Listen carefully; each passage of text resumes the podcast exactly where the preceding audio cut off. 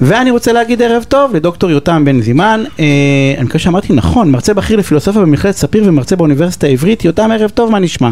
ערב טוב, שלומי טוב, ואמרת נכון. אמרתי נכון, יופי, יושב איתנו יגאל בורוכובסקי, תשמע, סיפרתי לו על השיחה שלנו אתמול, והוא אמר אני צריך לשמוע את זה מיותם רגע, אנחנו על פרדוקס הסליחה, ואתה כתבת ספר, ש... בוא נדבר רגע על סליחה, מה זה פרדוקס, בוא נתחיל במה זה פרדוקס הסליחה. פרדוקס הסליחה הוא הפרדוקס שנוגע לכך שסליחה מתרחשת במקום שבו קיים עוול. ככל שהעוול גדול יותר, כך יש יותר על מה לדבר על סליחה. לפעמים אנחנו מבקשים סליחה או מדברים, משתמשים במילה סליחה גם באופן יומיומי פשוט כמו כשמישהו דורך לי על הרגל אבל סליחה נדרשת באמת במקום שבו יש עוול. אבל מה שפרדוקסלי בזה הוא שבמקום שבו העוול באמת גדול זה בדיוק המקום שבו אה, אנחנו לא מוצאים סיבה טובה לסלוח משום שכל כך הזיקו לי, כל כך אה, התנכלו לי אז מדוע שאסלח בעצם? ובעצם אם אני ממשיך רגע את זה, בהמשך אני אספר, כי אותי דרך אגב, הנקודת מבט הזאתי, אני אומר לך, היא המהמה בזה, אפילו בטוב. אתה בא ואומר שיש משהו לא הגון בסליחה כלפי הנפגע. כאילו... אני לא אומר שיש בזה משהו לא הגון, אני אומר שצריך לחשוב היטב מתי ואיך לעשות את זה ויש סיבות טובות, אני חושב שהרבה פעמים האנשים שמהם אנחנו נפגעים לעומק הם האנשים היקרים לנו ביותר ומאותו מקום שהם יקרים לנו אנחנו גם סולחים להם וזה נראה לי בסדר גמור, אני רק אומר שזאת עבודה קשה, זה לא דבר שבא לנו בקלות לסלוח. אז אתה בעד או נגד? אני בעד במקרים אה, שבהם אה, אדם מוצא אה, לנכון לעשות זאת. אני, אני לא בעד סליחה אה, אה, בלתי מותנית. יש, אה, אה, אם, אם לתת דוגמה למשל, אה, אה, דזמונד טוטו שהיה, שעמד בראש אה, ועדת האמת והפיוס בדרום אפריקה, כתב ספר שתיאר את עבודתו בוועדה והוא קרא לו No Future Without Forgiveness, אין עתיד ללא סליחה.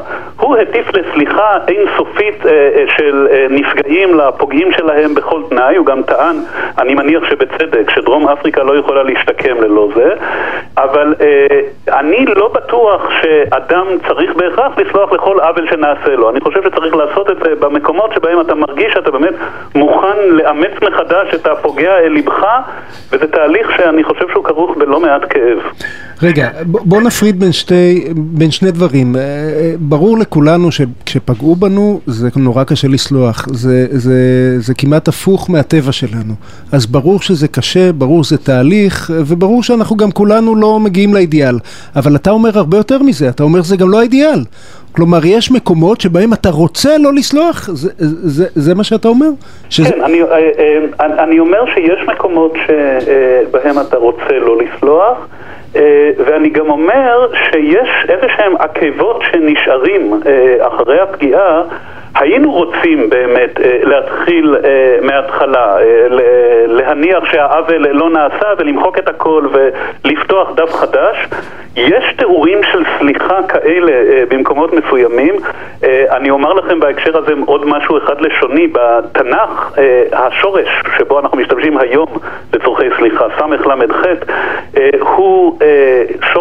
שורש שמאפיין רק את האל, רק את אלוהים רק על אלוהים נאמר שהוא סולח או לפעמים שהוא לא סולח והשורש הזה מבחינה לשונית נניח כאשר חושבים על אכדית שהיא שפה קרובה לעברית העתיקה באכדית יש לו מובן של זריקת מים זאת אומרת יש איזה משהו כזה שהסליחה הזו בא לידי ביטוי ב... כאילו שטפתי את הכל והתחלתי אה, מחדש. בידם, כאשר מתואר את הסליחה שלהם בתנ"ך, השורש שמשתמשים בו הוא נון סין א', לשאת. יש המושג הזה של לשאת עוון, וכאשר אתה מבקש סליחה, אתה מבקש מהזולת לעזור לך לשאת את העוון שביצעת. ואני חושב שהנסיעה הזאת כרוכה במשא ומתן על העוול הזה. זאת אומרת, אתה לא מוחק אותו, אתה צריך לדבר אותו. והדיבור הזה, יש בו גם כאב, אני גם חושב שהוא מרפא בסופו של דבר, אני לא שולל את הסליחה, אני רק אומר שהיא מאוד מורכבת.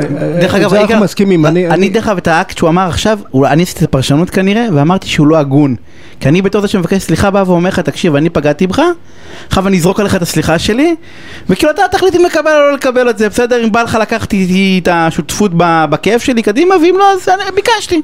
אני רוצה לרגע לא לדבר על הפוגע ואם שסולחים לו זה בוודאי מקל עליו, אני רוצה לדבר רק על הנפגע. דוקטור, אם אפשר לשאול אותך שאלה אישית, יש, יש מקום שבו לא סלחת למישהו ואתה נורא שמח שלא סלחת לו? כלומר, המשכת לשאת את המטען שלך, לפעמים אנחנו אומרים אני לא אסלח לך שבועות, חודשים, שנים, לפעמים מישהו אומר אני לא אסלח לך כל החיים. זה, זה הועיל לך? אתה מרגיש שזה הועיל לך במקומות שבהם כאידיאל לא סלחת למישהו?